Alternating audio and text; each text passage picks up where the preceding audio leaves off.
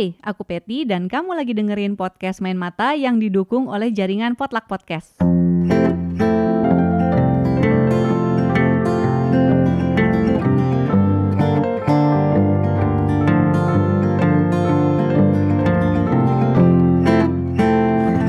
Podcast Main Mata adalah podcast buku yang ngebahas banyak hal seputar dunia perbukuan seperti obrolan dengan para pelaku, mulai dari penulis, penerbit, editor, dan lainnya. Juga ada rekomendasi berbagai jenis buku dan tantangan untuk kamu para pembaca buku.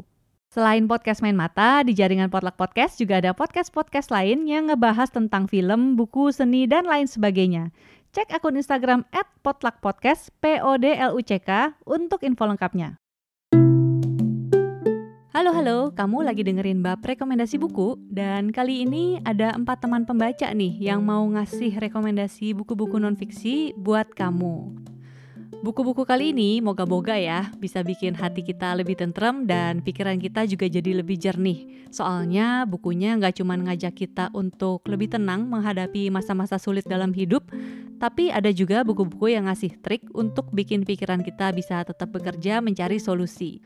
Nah, rekomendasi buku pertama yang buat nenangin hati dulu ya. Ini bukunya direkomendasikan oleh Mas Adinto Susanto. Dia ini editor penerbit Grasindo. Akun Instagramnya Mas Adin kamu bisa cek di @adintov pakai F belakangnya. Judul buku yang dia rekomendasikan itu Everything is Fucked alias segala-galanya ambiar. Bukunya ditulis oleh Mark Manson, nama yang pasti kamu udah nggak asing lagi. Mas Adin ngirimin rekomendasinya dalam bentuk tulisan, jadi aku bacain ya. Hari-hari ini kita mengalami sebuah momen yang sangat langka. Baru sekarang lah perhatian semua orang di seluruh dunia terpusat pada satu hal yang sama, yaitu pandemi virus corona yang telah merenggut puluhan ribu nyawa tanpa ampun dan memarjinalkan setiap aktivitas ekonomi di segala bidang. Sayangnya, ini adalah sesuatu hal yang tidak menggembirakan. Detik ini, kamu dan 8 miliar penduduk dunia merasakan kegelisahan yang sama, bahkan barangkali sebagian besar mulai merasa takut, putus asa, atau depresi. Apakah kamu pun mulai merasa kehilangan harapan?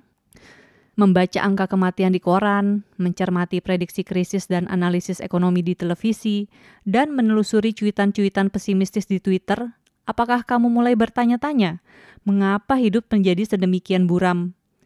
Kamu mungkin terheran-heran sendiri, sebab dulu kamu masih bisa berpikir positif, seperti yang acap kali dianjurkan berbagai buku pengembangan diri. Harapan kamu sangat besar, tapi melihat realitas sekitar dengan mata kepala sendiri membuat kamu berpikir ulang. Jika kegelisahan-kegelisahan itu yang melanda kamu saat ini, buku segala-galanya ambiar barangkali dapat menemani kamu. Buku terbaru dari Mark Manson, seorang penulis muda dari Amerika Serikat yang sebelumnya begitu dikenal berkat sebuah seni untuk bersikap bodoh amat, mencoba mendekati sisi kelam kehidupan. Hal pertama yang dikatakan oleh buku ini adalah tenang.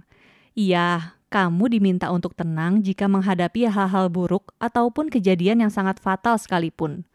Bukan karena kamu harus berpikiran positif, tapi karena apa yang kamu alami tidaklah istimewa Jauh-jauh hari, ratusan atau ribuan tahun yang lalu, permasalahan yang kamu hadapi sudah pernah terjadi. Coba kamu sebutkan satu demi satu. Peperangan, wabah, pembantaian massal, bencana alam, semua sudah pernah terjadi bahkan lebih mengerikan. Dengarkan kutipan berikut.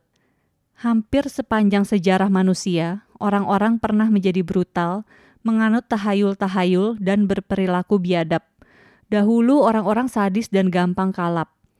Hampir sepanjang sejarah, dunia ini bukanlah tempat yang menyenangkan untuk ditinggali. Mark Manson hendak mengatakan bahwa penderitaan adalah hal yang niscaya terjadi. Kemungkinan kita menghadapi hal seperti ini adalah 50%. Kita tidak perlu panik atau mengumbar-umbar kesedihan, melainkan hadapi dan terima sebab kita bukan satu-satunya makhluk yang ditimpa kesialan.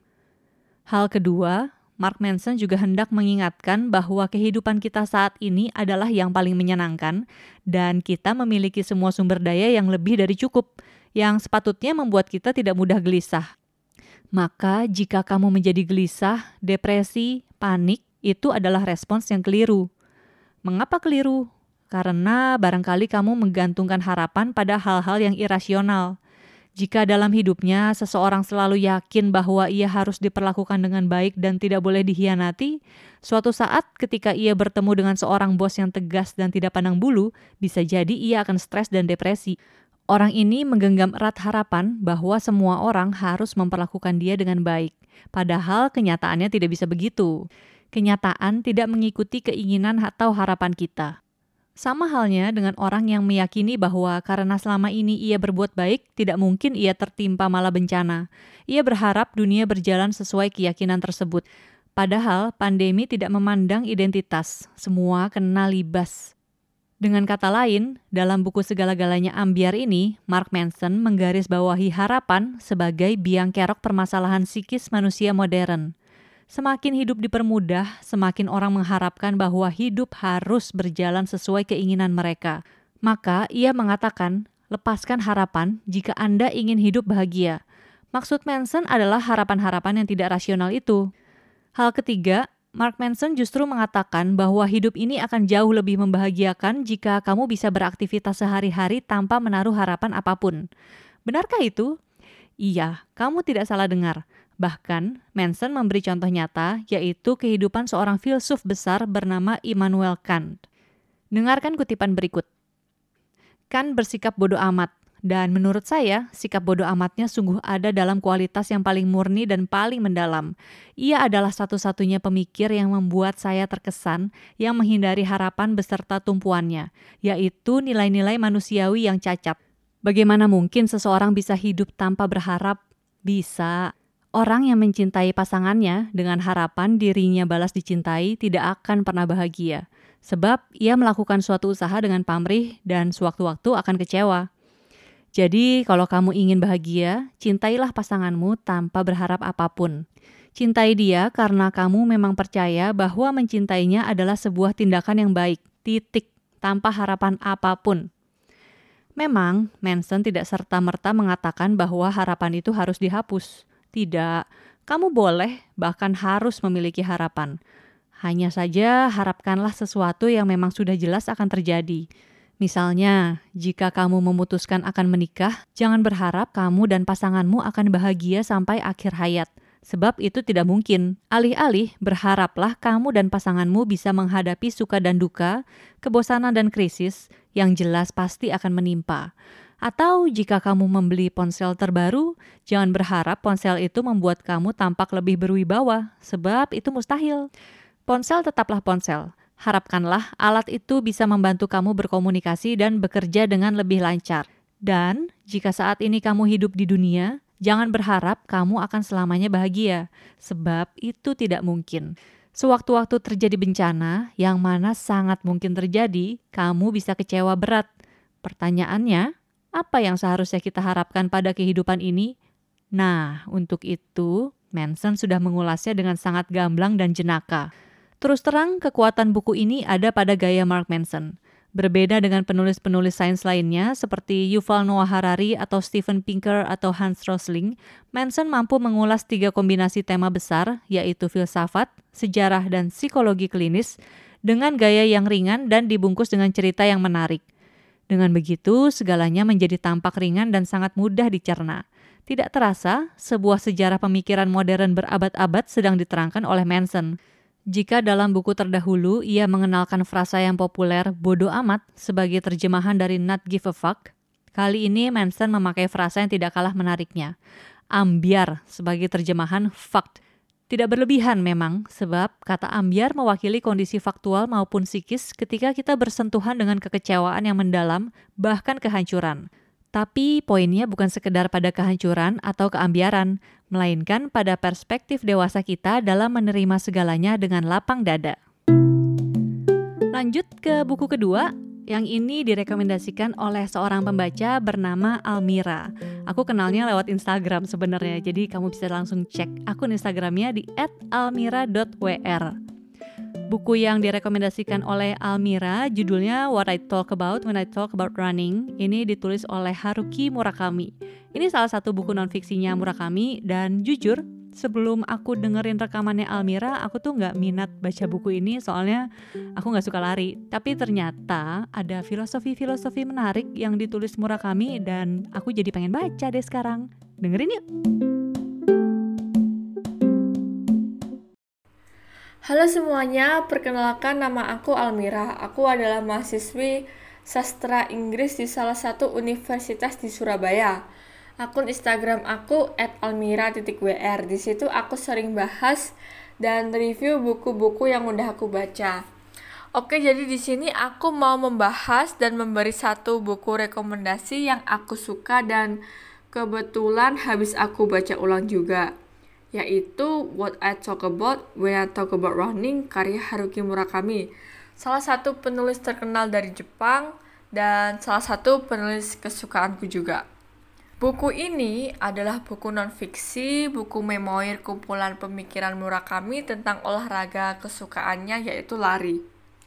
Ada pengalaman-pengalaman Murakami tentang berlari, dari awalnya gimana sampai beberapa maraton atau perlombaan yang pernah ia ikuti.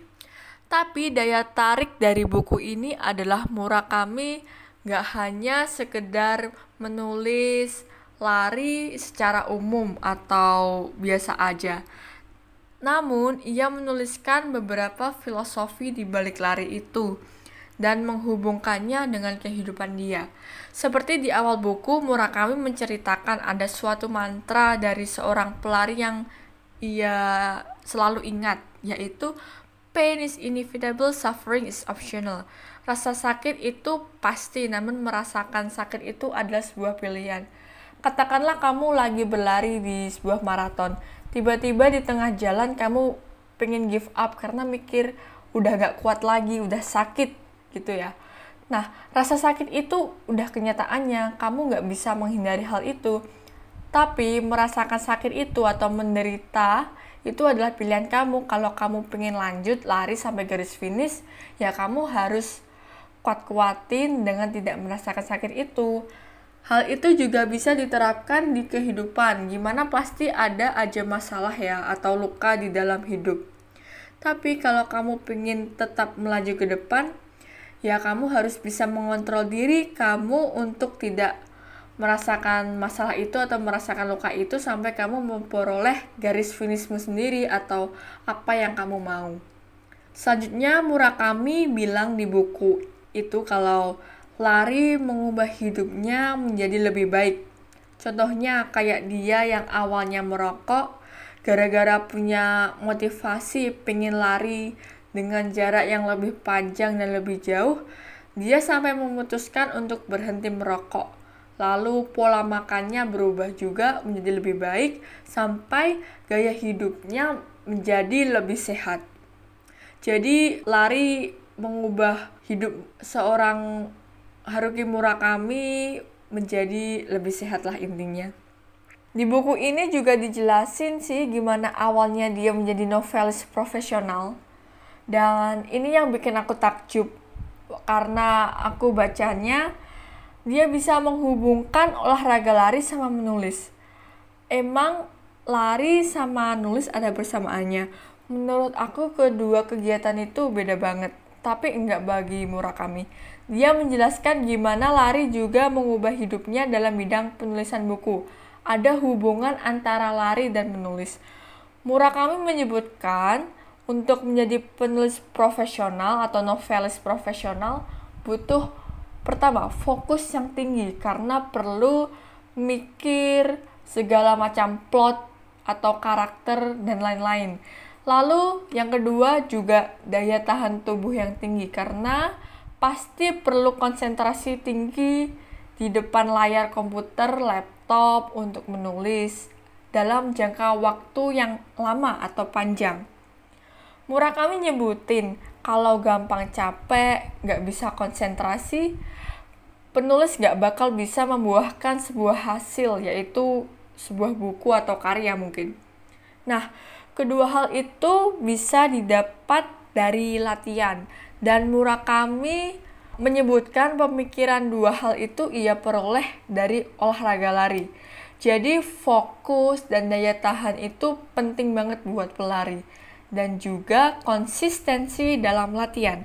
Mana ada pelari di sebuah maraton bisa sampai garis finish tanpa kedua hal itu serta konsistensi dalam latihan? Aku kira sih nggak ada yang bisa sampai garis finish. Jujur aja aku jarang banget baca non-fiksi dan jarang suka sama buku macam gini. But surprisingly, I really enjoyed reading it. Awalnya nih aku pikir cuman tentang lari biasa aja kayak pengalaman-pengalaman Haruki Murakami tentang lari tapi wow nggak sekedar itu aja sih. It's more than that. Banyak pembelajaran tentang kehidupan dari olahraga lari ini yang ditulis dengan asyik oleh Haruki Murakami aku uh, memperoleh banyak pembelajaran baru dari buku ini So, aku merekomendasikan buku ini kepada semua orang. Yes, semua orang kamu nggak harus suka Haruki Murakami dan tidak harus suka olahraga lari untuk bisa menikmati buku ini. This book is for everyone. Udah tersedia dalam versi bahasa Inggris atau versi bahasa Indonesia, jadi kamu bisa milih versi mana yang bikin kamu nyaman untuk dibaca. So, trust me, banyak pembelajaran kehidupan yang bisa kamu petik dari buku ini. Well, I think that's all from me. Thank you so much. Selanjutnya ke buku ketiga, yang ini direkomendasiin oleh Yunita Dewiana. Dia ini juga punya podcast, namanya Abjad Tersirat. Jadi Yunita ini tinggal di Jerman dan episode-episode podcast Abjad Tersirat ini ada yang ngomongin tentang pengalaman dia selama merantau, terus juga ada pandangan-pandangan personal dia tentang berbagai hal. Ada juga cerita-cerita pendek yang dia tulis sendiri. Akunnya kamu bisa cek kalau Yunita akun pribadinya di @cingcing16 atau bisa cek juga langsung podcast Abjad Tersirat di Spotify dan Instagramnya juga ada di @abjadtersirat. Buku yang direkomendasiin oleh Yunita judulnya Tinker Toys, ini ditulis oleh Michael Michalko. Buku ini ngasih banyak banget insight buat kamu yang lagi mencari tahu cara-cara untuk menciptakan ide kreatif. Dengerin yuk!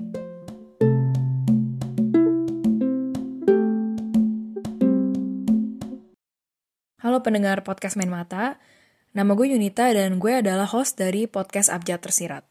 Nah, podcast ini berawal dari cerpen bersambung yang gue share di akun Instagram gue, at abjadtersirat. Untuk kalian yang belum tahu, apa sih isi pembahasan dari tulisan juga podcast Abjad Tersirat? Nah, gue mau jelasin sedikit nih ke kalian dan semua ini nanti ada hubungannya sama rekomendasi buku yang akan gue share di episode ini. Jadi pembahasan yang gue share di Abjad Tersirat selalu based on personal experience gue yang 10 tahun belakangan ini merantau ke tiga negara yaitu Australia, Spanyol, dan Jerman. Pembahasannya itu bervariasi sih, dari mulai ngebahas tentang tema kehidupan uh, yang sering dianggap banyak orang tabu atau kontroversial, sampai ke pembahasan cerita yang lumayan absurd. Misalnya keseruan gue ngekos selama jadi pelajar di Australia. Nah, logikanya kan kalau konten yang kita bikin itu based on personal experience, it should be easy untuk kita cari ide dan meracik naratifnya. Tapi ada kalanya di mana gue tuh uh, ngerasa stuck.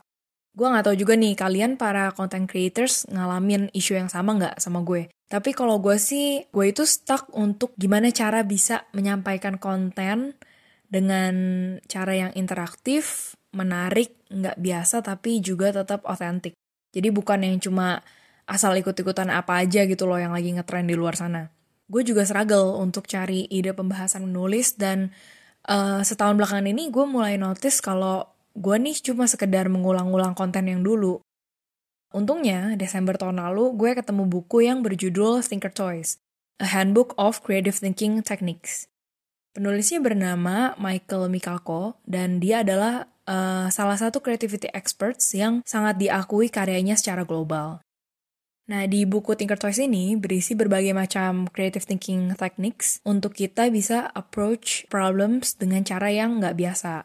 Yang fun dan yang nggak bikin bosan dari buku ini adalah uh, Thinker Toys menyediakan ratusan hints, tricks, tips, tales, dan juga puzzles yang bisa membuka cara berpikir kita untuk mencari solusi yang inovatif. Dan tentunya juga yang berguna ya, baik untuk isu yang kita hadapi saat berbisnis atau yang ada di kehidupan personal sehari-hari. Nah, buku Thinker Choice ini membagi creative thinking techniques menjadi dua bagian. Yang pertama itu uh, linear thinker choice dan yang kedua adalah intuitive thinker choice. Di part linear itu punya total 21 creative thinking techniques yang terbagi menjadi tiga grup, yaitu grup A, B, dan C. Nah, kalau di intuitive thinker choice itu ada 12 creative thinking techniques. Nah, kenapa sih gue uh, merekomendasikan buku ini untuk kalian baca? Jadi ada tiga alasan sebenarnya yang mau gue share ke kalian. Yang pertama adalah buku ini tuh nggak ngebosenin sama sekali karena banyak exercises yang bisa kita kerjain juga di rumah.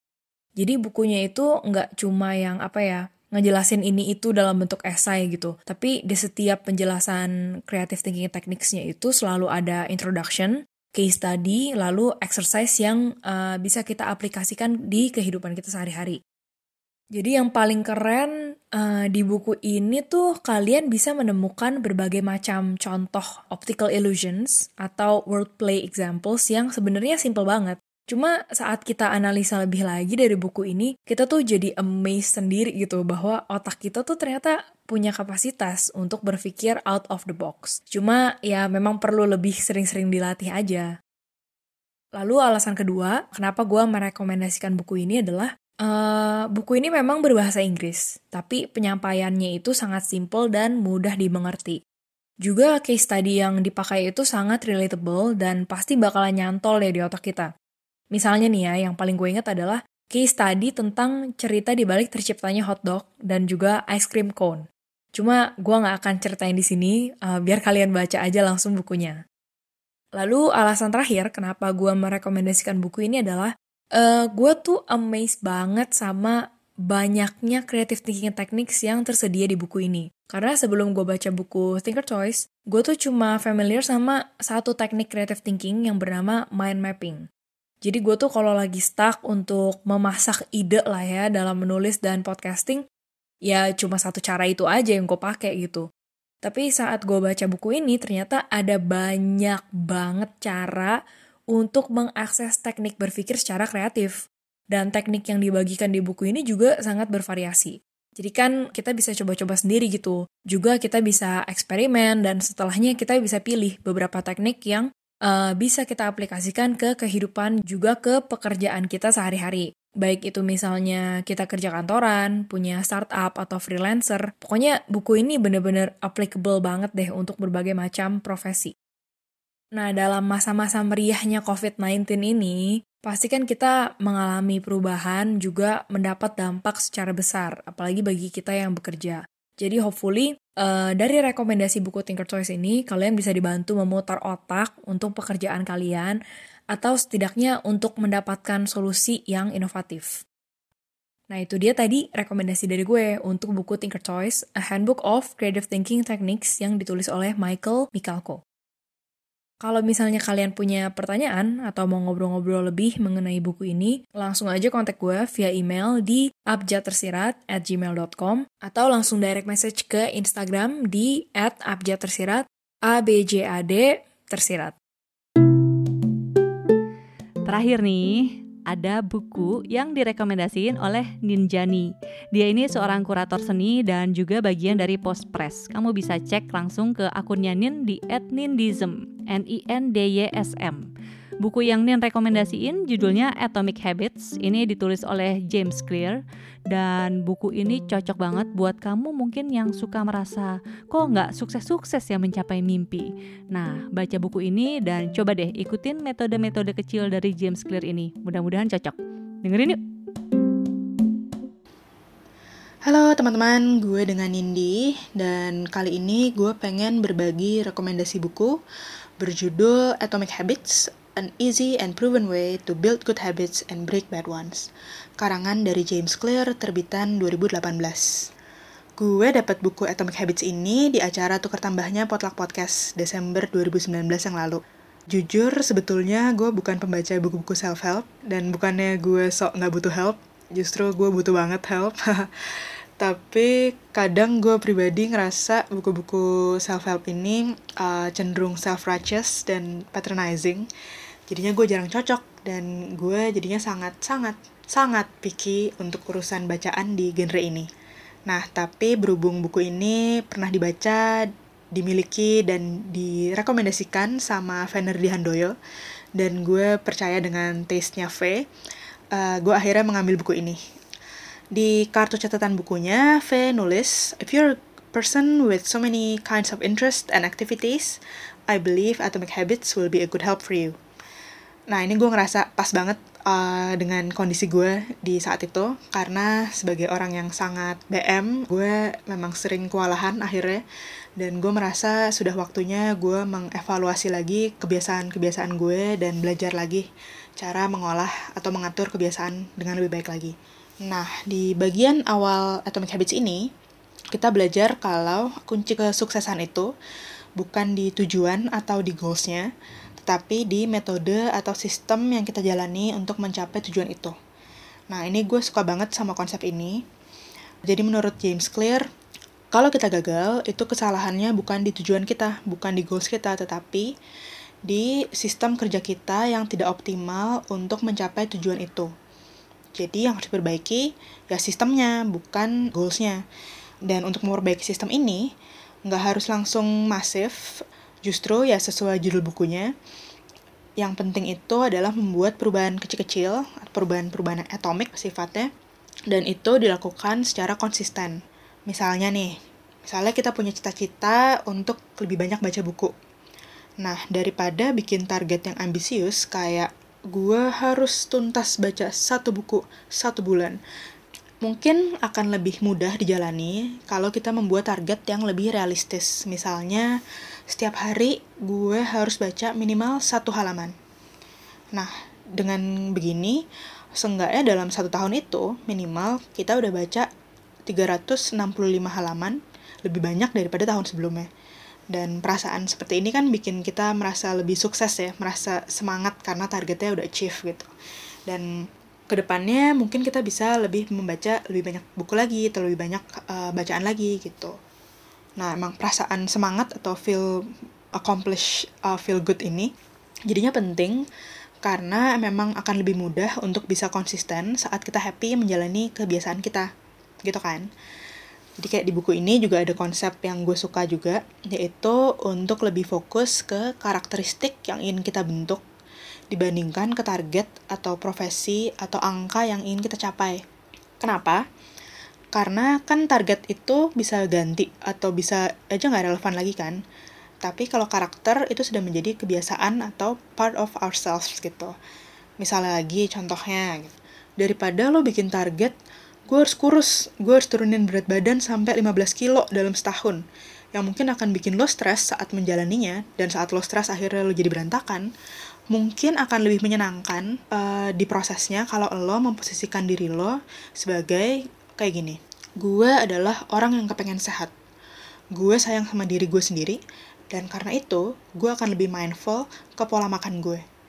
Nah, kalau lo punya mindset yang kayak gini, ketika lo tempted untuk makan junk food gitu, atau untuk nggak olahraga, lo mungkin akan bisa mengingatkan diri lo, eh, emangnya orang yang hidup sehat akan makan junk food terus-terusan. Emangnya kalau lo mau sehat, lo bakal males-malesan dan gak olahraga. Dan mungkin itu akan membantu, uh, membantu membentuk motivasi lo untuk ya meneruskan gaya hidup yang sehat itu gitu. Nah, terakhir yang gue suka banget dari Atomic Habits ini adalah konsep yang namanya habit stacking. Yaitu kayak menumpuk habit lo gitu. Jadi ini semacam membuat kebiasaan-kebiasaan lo itu menjadi satu kesatuan ritual. Karena kebiasaan itu akan lebih mudah kalau ia menjadi bagian dari rutinitas lo gitu. Misalnya lagi, misalnya lo pengen rajin nulis setiap hari gitu. Misalnya lo punya cita-cita gue harus bikin buku gitu.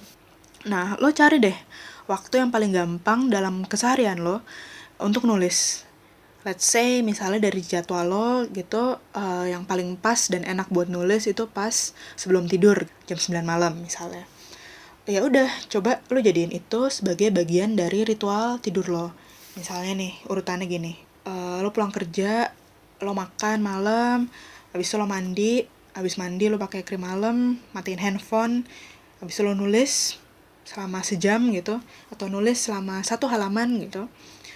Abis selesai nulis baru lo tidur. Dan itu lo lakukan aja terus tiap hari. Nah problemnya kalau misalnya lo slip gitu dalam satu hari lo nggak bisa nulis atau misalnya lo capek banget gitu akhirnya lo nggak nulis gimana ya it's okay gitu. Karena ya eventually pasti ada kan hari-hari yang susah untuk melakukan kebiasaan lo atau memang tidak memungkinkan gitu. Nah nggak apa-apa jangan ngerasa gagal. Karena yang penting adalah besoknya lo nulis lagi.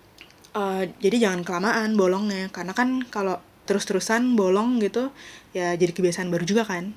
Jadi yang penting kalau misalnya lo gagal lo mulai lagi. Lo terus jalanin aja terus gitu jadi intinya si Atomic Habits ini cuma mau bilang kalau perubahan itu nggak perlu drastis yang penting mulai aja dulu kecil-kecil biar gampang biar telaten biar konsisten dan gue sangat merekomendasikan buku ini buat lo yang kayak gue yang punya banyak keinginan dan punya banyak kesibukan dan lagi pengen ngerapi-rapihin hidup lo. Jadi selamat membaca dan semoga uh, lo bisa membentuk kebiasaan baru dalam hidup lo ya. Oke, segitu dulu. Sampai jumpa lagi. Itu tadi ada empat rekomendasi buku yang dibahas kali ini. Terima kasih sudah dengerin dan kalau kamu udah baca salah satu dari empat buku di atas dan mau kasih komen, boleh banget bisa mention atau DM di Instagramku di @patricia.wulandari atau ke @potluckpodcast, P O D L U C K. Atau mau Twitter juga bisa di @patipatigulipat. Kalau kamu mau rekomendasiin buku yang seru nih buat dibaca orang lain juga bisa. Kirimin aja rekomendasimu dalam bentuk tulisan atau audio ke halomainmata@gmail.com. Formatnya kayak gini, tulis aja atau rekam nama, profil singkat tentang kamu, akun sosmedmu, terus judul buku dan penulis, sinopsis bukunya kayak apa, dan alasan kenapa kamu rekomendasiin orang lain untuk baca buku itu. Ingat ya, kirimnya via email ke halomainmata@gmail.com. Ditunggu. Dan kalau kamu menikmati konten-konten yang kami sajikan, kami akan sangat berterima kasih sekali jika kamu mau merekomendasikan podcast Main Mata ke teman-teman kamu, khususnya yang suka baca buku. Jangan lupa juga follow ya podcast Main Mata di Spotify. Beri dukungan juga untuk jaringan Potluck Podcast dengan follow dan subscribe di SoundCloud, YouTube, dan lainnya. Untuk informasi lengkap seputar episode terbaru yang akan tayang dari channel-channel podcast yang ada, kamu bisa follow jaringan Potluck Podcast di Instagram, akunnya @potluckpodcast, P O D L U C K podcast. Segitu dulu ya. Dadah.